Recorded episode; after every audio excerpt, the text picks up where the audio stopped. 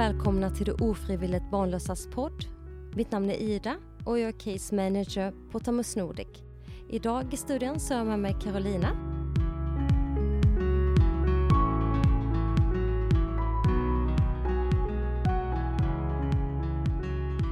Hej Carolina, kul att du är här. Ja, tack, kul att få vara här. Eh, Carolina, berätta dig om dig själv och din familj. Eh, det är ju jag och så är det min man Lars. Och sen har vi vår son Holger. Och så vår katt också, vårt pälsbarn. Men eh, ja, vi bor utanför Norrköping i en villa. Jag jobbar som sjuksköterska. Min man jobbar inom ventilation. Ja, en vanlig familj. Hur såg det ut för er innan ni fick eh, Holger? Mm. Ja, men då var det väl eh, väldigt mycket längtan efter att få Holger. Då. Vi visste inte att det blev just Holger, men vi försökte skaffa barn i ja, säkert fem år och hade väl liksom ja, hopp om att det skulle bli år efter år. Hände ingenting. Det var ju vår katt som vårt barn istället, men ja, nej, men då försökte man väl leva som en familj fast med utan barn och det blir ju lite annorlunda. Hur kände du att, hur var känslorna under den här tiden? Nej, men som att livet står lite på paus. Att eh, alla ens kompisar och alla är inne på sitt andra eller tredje barn och man hittar på saker tillsammans med sina kompisar, men det känns alltid som att man inte riktigt är en i gänget. Även att det är såklart inte så kompisarna liksom tycker att man inte är en i gänget, men en själv eh, upplever lite som så, att man liksom står utanför.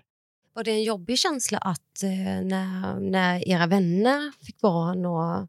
Ja, alltså jo men det tycker jag nog. För att man, man hade ju längtan liksom hela tiden. Att ja, men den här gången kanske det funkar. Nu, nästa gång kanske det är vi. Och sen går åren och så händer ingenting. Och, det, och så ska man vara glad för andra och det är man ju. Men samtidigt så är det, även om man är glad för dem så blir man lika ledsen varje gång för att man, det inte var en själv som var där. Men hur kom ni in på, mm, på tanken att, göra, att eh, försöka få barn genom en surrogatprocess? Det var nog, alltså jag har nog aldrig trott att vi ska ha behövt skaffa barn genom så. Jag har ju varit sådär att, ja men stackars barn, eller stackars folk som är barnlösa, men det, det är oh, synd om dem, men det, det kommer ju aldrig hända oss. Och sen när man har försökt i några år, man lyckas bli gravid och så blir det missfall efter missfall och man gör fertilitetsutredning som inte visar på något fel och så gör man IVF och det funkar inte heller. Och då känner man bara så här, till slut var man bara så desperat, eller det kanske är dumt att säga så, men det kändes desperat när man liksom väljer att ta till surrogat för att man har inte hört så mycket om det. Men eh, vi insåg ju att dels vår ålder och adoptionsprocess och allting, det tar väldigt många år också. Och eh, flera steg där och då kände vi att vi har inte den tiden. Så började jag googla lite och så kom Tammus upp.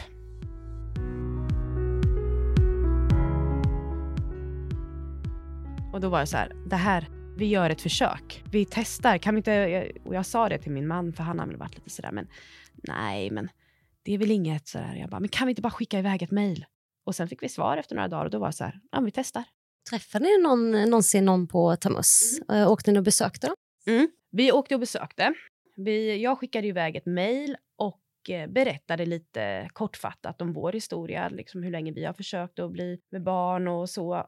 Och efter några dagar så fick jag svar att ja, men jag tror absolut vi kan hjälpa er. Vill ni boka ett möte så ska jag berätta lite mer om eh, hur det går till, vad vi gör här och så, ah, okej, vi åker upp på ett möte. Och under det mötet sen så var det bara så här, jaha, nu ska vi skriva på, nu ska vi fixa fram kontrakt och nu är vi igång. Ja, men då fick ni ett härligt, en härlig känsla när ni, eh, när ni hade mötet. Absolut, och det var så här, det var så skönt att för när man har stått i kö för att få göra liksom IVF, man har väntat, man har haft missfall och så måste man vänta innan nästa gång man försöker. Så var det så härligt att någon sa, men eh, nu kör vi. Och så vet jag att de sa att eh, för att jag sa någonting, eh, jag ställde någon fråga. Att, ja, men om nu det här går vägen och vi blir föräldrar och så bara nej, nej, nej, nej, inte om ni blir föräldrar utan snarare när ni blir föräldrar. Och det var så skönt, för då kände jag så här att vi garanterade att vi kommer bli föräldrar på ett eller annat sätt. Går det inte med mina ägg, då försöker vi med någon donator och går det inte efter några gånger, vi fortsätter tills det blir ett barn. Och då kände man att det liksom kändes, det kändes så skönt, hoppfullt hur, hur upplevde ni processen? Var det, tyckte ni att det var um, krångligt med dokumentation? Och... Nej, jag tycker att eh, tack vare Tammus kan jag säga, för att hade vi inte haft liksom, Tammus eller någon annan organisation då, men som hade hjälpt, då hade vi aldrig rätt ut det.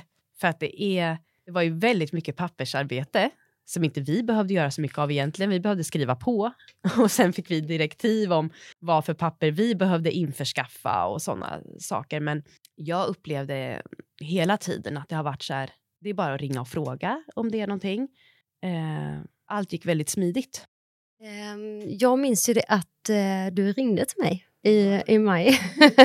Superkul att uh, du ville höra hur hela processen går till eftersom vi också gjorde vår, vi var mitt uppe i vår process. Fick det samtalet dig att bestämma dig att du ville göra processen eller var det mer för liksom bara Ja, men vi hade nog, då hade vi ju redan skrivit, eh, eller vi satt så där i valet och kvalet, vi skulle skriva på.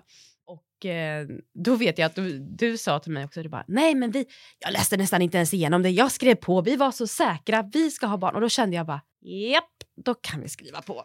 Ja, men vad härligt, vad härligt. Det var väldigt skönt att du fick en bra, positiv upplevelse.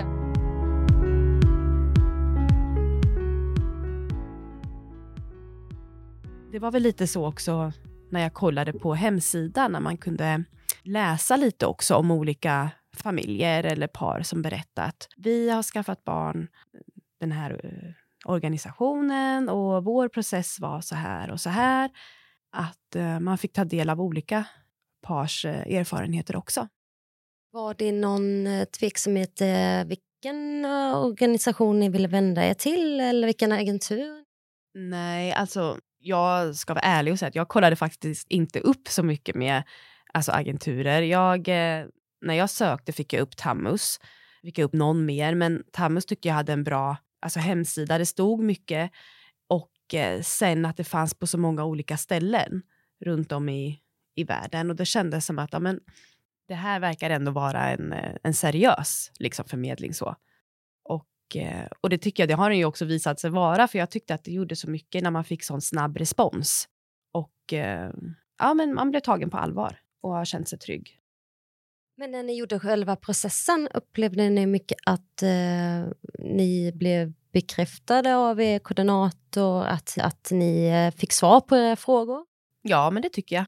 Sen var det ju ett väldigt nytt, alltså det är ju nytt, det var ju något helt annorlunda, så att vi kände oss ändå så trygga med att ja, men vi lät bara vår koordinator ta hand om allting sa vår koordinator, det här ska ni göra. Jaha, ja men då gör vi det. Och sen litar vi bara på att gör vi de här sakerna så fixar vår koordinator resten. Och det är svårt att veta också vad vi skulle ha för frågor. Ja, jag känner igen det. Ja, så att ibland tänkte jag så här, borde vi fråga mer? Så bara, men jag vet inte vad jag ska fråga, för jag har inte varit med om det här. Utan nu, nu sitter vi på det här tåget, nu bara kör vi. Vad har ni för um, tips och råd till um, det som vill starta en process? Rådet är, gör det. Sen ska man vara medveten om att det kostar och att det kan ta, det kan ta olika lång tid. Vi hade ju tur att Holger blev ju till på andra försöket. Hur lång tid tog hela processen? Det tog ett och ett halvt år. Och det är ju liksom supersnabbt jämfört med hur det har varit liksom innan. Så att, eh, och vi var ju införstådda med att men det kanske inte går på några år, men vi kommer försöka. Nej, men jag tycker definitivt att man ska våga göra det och man blir jätteväl omhändertagen under hela processen. Kände ni eh, på kliniken ni var att ni blev väl omhändertagna där? Och fick ni ett gott intryck när ni var där? Ja, det tycker jag. Och eh, sen hade vi ju vår, eh, eller liksom koordinatorer nere i Ukraina var det ju vi var i. Så att man var ju all, man var aldrig liksom utlämnad ändå, det tycker jag inte, utan man hade alltid någon att fråga det ska man ju vara införstådd med också, att det är ju en liten utmaning för att man är, man kan ju inte språket alls. Så man har tolkarna, men man är van annars att på något sätt kunna göra sig lite förstådd och det, så kan man ju känna sig lite ensam. Vad, upplevde ni Kiev? En fantastisk stad. Ja. Det var ju Tammy som rekommenderade, för vi hade gjort sex stycken IVF-försök som hade misslyckats. Eh, men då var det så här, Ukraina? Eh, så jag tänkte, herregud. Ja, men lite, man har inte hört så mycket man har väl lite fel bild av det. Men känner ni så här, rädsla för att åka till Ukraina? Då var det lite så. Man var lite orolig för att man hör ju att ah, men det är krig i Ukraina. Ja, fast Ukraina är ju stort. Så det var ju inte alls i närheten där.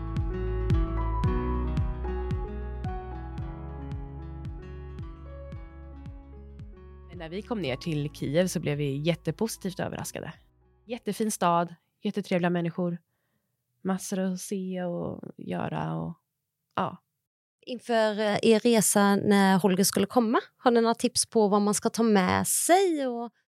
Det beror ju på hur länge, alltså hur länge man blir där. Alltså det mesta finns att köpa där nere. Man ska inte packa med sig allt för mycket. Man behöver inte packa med sig alltså, barnvagn och alla sådana saker, för sånt kan man hyra. Hur, hur var ert boende? Hyrde ni ett, en lägenhet? Eller? Ja, vi gick, fick ju tips om Airbnb. Um, så att när vi väl åkte ner för att när vi skulle få hem Holger, när vi var ner året inne för att göra hormonstimulering på mig och äggutplock, då bokade vi boende via Ticket. Men eh, när vi skulle vara där så pass länge så bokade vi boende via Airbnb. Och det var, det var också det var jättesmidigt. Nej, men då var det jättebra. Då bokade vi för några veckor och sen eh, kunde man antingen förlänga eller om det var uthyrt, ja, men då gick det smidigt att gå in på Airbnb och hitta något annat. Så att Airbnb, det kan man kolla upp.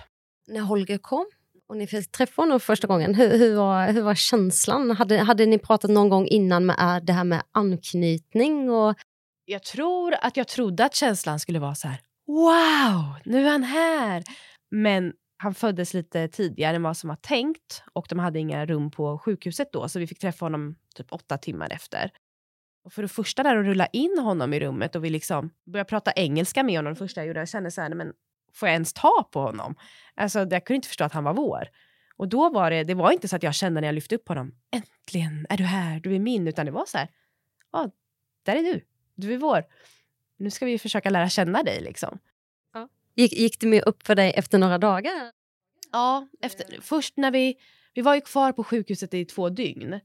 Och det var när vi åkte därifrån och tog med honom ut ur taxin där man kände att okej, okay, vi tar med honom här nu. Det är ingen som eh, hindrar oss. Vi får ta med honom. Och när vi kom sen till lägenheten och man insåg att ja, han är vår.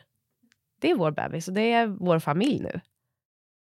Hur kändes första tiden då när ni var i Ukraina? Var det några konstigheter? Kände ni oroliga för Holger? Han hade ju lite problem med magen första tiden. Och det var ju lite utmaning när man... Eh, vi hade ju hembesök av en eh, läkare så några gånger i... Det var nästan en gång varannan vecka eller så som vi faktiskt hade i början. Men då var det lite när man pratade anhöriga så, eller vänner hemma i Sverige. Att, ja, men testa det här, testa det här. Alltså, I Ukraina gör man på något helt annat sätt. Alltså man, man måste släppa den här kontrollen som man gärna vill ha och bara förlita sig lite på de råd och rekommendationer som läkare där nere har. Får jag fråga, vad, hur länge var ni kvar i Kiev? 91 dagar. Var det, var det på grund av pandemin eller var det att eh, processen hem, att eh, det var ju pandemin som ställde till det. Vi hade ju planerat att åka ner 19 september för att eh, Holger var beräknad att komma den 14 oktober. Men vi ville vara några veckor innan ifall han skulle komma för tidigt. Men eh, den 26 augusti, typ kvart i fyra en eftermiddag på jobbet så fick jag ett samtal om att eh, sitt ner, ta tre djupa andetag. Ukraina kommer stänga sina gränser den 28 8 klockan 00.00. Hem och packa, ni måste resa nu. Var ni förberedda på? Hade ni börjat packa något? Eller? Jag hade ju köpt lite grejer till Holger, liksom barnkläder och lite sånt, men eh, nej. Jag tänkte på alla dokument och allting. Vi hade samlat allting. Det, kan, det i och för sig kan jag ju rekommendera. Sätt in alla papper, även om ni tror att det här kommer vi inte ha nytta av. Skit i det, sätt in det i en perm. Alla sådana dokument. För det, vi hade en, eh, en perm med alla provsvar, alla läkarbrev, eh, kontraktet, kopior på passet, allting liksom. Alla läkarprov. Ja. ja. Vi gjorde exakt samma. Man hade det i en mapp. Nej, men det var logga ut sig från jobbet och rusa hem och förbi apoteket, sprang fram till barnhyllan och sen det här kanske kan behövas, det här kan behövas, det här kan behövas. Och sen var det bara hem och försöka packa. Men då var det också när vi inte visste hur lång tid vi skulle vara där eller sådana saker också. Bara, vad ska jag packa? Men kläder som vanligt. Det går att tvätta. Ja, det går. och de har, de har ju allting. Ja. Ja, det är inte... Man hör när man, man ska inte skrämmas. Om man får destinationen Ukraina så ska man inte skrämmas av att det är Ukraina för att det är modernt i Kiev. Ja, och sam samtidigt så du hittade ju Libro, till och med Näsfrida. Eh, det är bara att man tänker alltid när man lämnar hemmet att det där kommer jag inte kunna hitta där. Eh, var det något ni saknade i er process? Nej, det tycker jag inte. Men så här i efterhand, så när man har liksom, nu är vi på andra sidan, men då skulle vi nog ha frågat mer om kanske hur lång tid processen tar efteråt. Alltså när man har fått barnet med alla dokument. För att Holger föddes i eh, oktober och sen tog det fem månader innan vi var berättigad föräldrapenning, barnbidraget och nu höll ju jag på med den här processen med närstående adoption. Så att eh, det tar tid. Och det, i början så kanske man inte, eller vi gjorde ju inte det, vi tänkte inte så mycket på hur lång tid det tar. Men när man väl har fått barnet, då helt plötsligt så blir allt det där andra väldigt viktigt, eller liksom då blir det verklighet. Man ska tänka på det också, att eh, det är kostsamt och man måste vara beredd på att när man kommer hem så får man leva ganska knapert för att man har, kommer bara ha en inkomst under en period, om man inte har andra förutsättningar. Men, men just den delen tror jag, med hur lång tid allting faktiskt tar. För man vill bara, då vill man bara köra på och starta liksom sitt familjeliv. Känner ni att det fick ringa och ligga på, för, på eh, Försäkringskassan? Och... Nej, alltså jag kände nog att det är ingen idé att ringa och ligga på och tjata. Jag ringde och frågade några gånger, men ja, det tar ju den tid det tar. Med, så att, och det, vissa saker kan man inte skynda på. Jag kan uppleva att i olika delar av landet hur, hur snabb hjälp man får. Eh, I södra Sverige så upplever jag att de är ganska mycket snabbare. Jo, det var ju, vi var ju några familjer nere samtidigt i Kiev och det har ju gått olika snabbt för alla oss. En del är liksom färdiga med processen med den här närstående adoptionen och allting och en del har inte kommit dit än så att det är olika. Men, men man bör ha det i åtanke ändå, att det, det kan upplevas lite jobbigt tycker jag. I alla fall, jag kan uppleva det att jag är ju inte vårdnadshavare eh, på papper eller liksom hans riktiga vårdnadshavare, vilket kan vara störigt för jag vet att det är mina ägg. Så han är min. Men enligt svensk lag så eh, är det min man som står som vårdnadshavare ensam. Och när man ska ha hem, vi ska ha hembesök snart nu av familjerätten, att de ska titta, de behöver väl ha något underlag. Hur kändes det att, eh, hur känns det att hon ska komma hem till er och liksom eh, granska? Alltså, egentligen, vad ska hon kunna göra liksom? Så kan jag känna. Men, men lite, jag trodde inte jag skulle bry mig. Och jag menar, men jag kan känna nästan lite kränkande, som att om ska du ifrågasätta om han är vår? För att jag inte har klämt ut honom. Men alltså, han är vår till 100 procent. Ska du adoptera honom? Ja, det ska jag. Men också känna liksom, hur, hur ser ert hem ut? Hur, vad, vad, vad kan ni erbjuda? Sen kanske man tycker så för att man är i den situationen att man har kämpat väldigt länge för att bli förälder. Och då kan man tycka nästan sådär, men ska man bli straffad för att man har blivit förälder? För alla de här andra sakerna som, som inte andra föräldrar behöver gå igenom. Som kommer liksom faller sig naturligt. att men, ni, är vårdnadshavare, nu får ni barnbidrag, nu får ni föräldrapenning, nu, kan ni, nu får ni föräldradagar. Men en annan måste liksom kämpa för att få det. Och då tycker man att man, men vi har kämpat tillräckligt nu. Men eh, det ska egentligen bara flyta på. Det är väl därför också jag tycker det är bra med att eh, det finns liksom poddar om det och lite annat, att man kan prata om det så att folk ser att det finns många som gör det här. Och det är så många fler än vad man tror. Men hur ser ert eh, liv ut idag? Ni som vilken annan familj? Ja, alltså det har ju varit lite annat mot vad man trodde eftersom att vi fick barn nu under pandemin. Jag hade ju tänkt att jag skulle gå på öppna förskolan, jag skulle göra allt sånt där som alla andra har gjort och få ha sångstunder, allt det här. Ja, man har fått vara inomhus och ganska ensam, men, eh, nej, men det, nu, är det ju, nu är man ju en familj. Nu är det allt det där andra. Nu är det riktigt, alltså, nu är det en själv som kanske inte har tid att svara när någon ringer för att nu är det barnet som skriker eller barnet som behöver uppmärksamhet och det, det rullar på. Nu har jag varit med, min man har ju gett mig eh, föräldradagar så jag har kunnat vara hemma och nu imorgon då blir det, då ska han vara pappaledig och jag ska börja plugga. Nej, men nu är man, nu är man en, en familj. Nu lever man där Svenssonlivet. Har ni, um, har ni några planer på att göra om processen? Vi har ju Eh, ja, först måste vi... Det är, eventuellt kommer vi kanske göra det.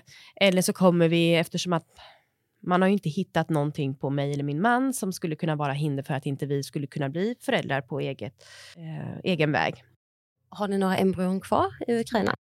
Vi har ett embryo kvar. Och vi har väl funderat på om vi kanske ska göra så att vi provar att jag, eh, eller att vi återinsätter det, det embryot i mig.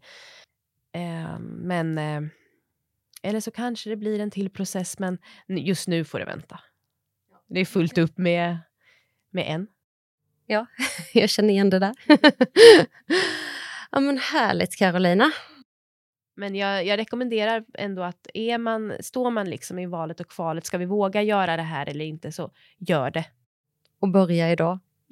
Ja, men faktiskt, för att det, det går, själva processen sen, det går snabbt och man får kontakt med andra eh, par som är i samma situation. Och eh, vi parades ihop där nere med andra par som var nere samtidigt som oss i Kiev. Och vi har ju kontakter eh, liksom idag också. Och eh, man träffar folk som man känner att man har så mycket gemensamt med, som verkligen förstår hur man känner. Och det, det är jättevärdefullt. Och då känner ni också att ni har eh, haft eh, stöttning av de andra paren? Ja, folk som man annars aldrig hade träffat kan man träffa och det känns som att man har känt varandra i hela livet för att man har något så speciellt gemensamt. Nej, gör det. Härligt avslut. Jag vill tacka dig för att du kom hit idag. Tusen tack för att du ville berätta er historia. Ja, men tack för att jag fick komma.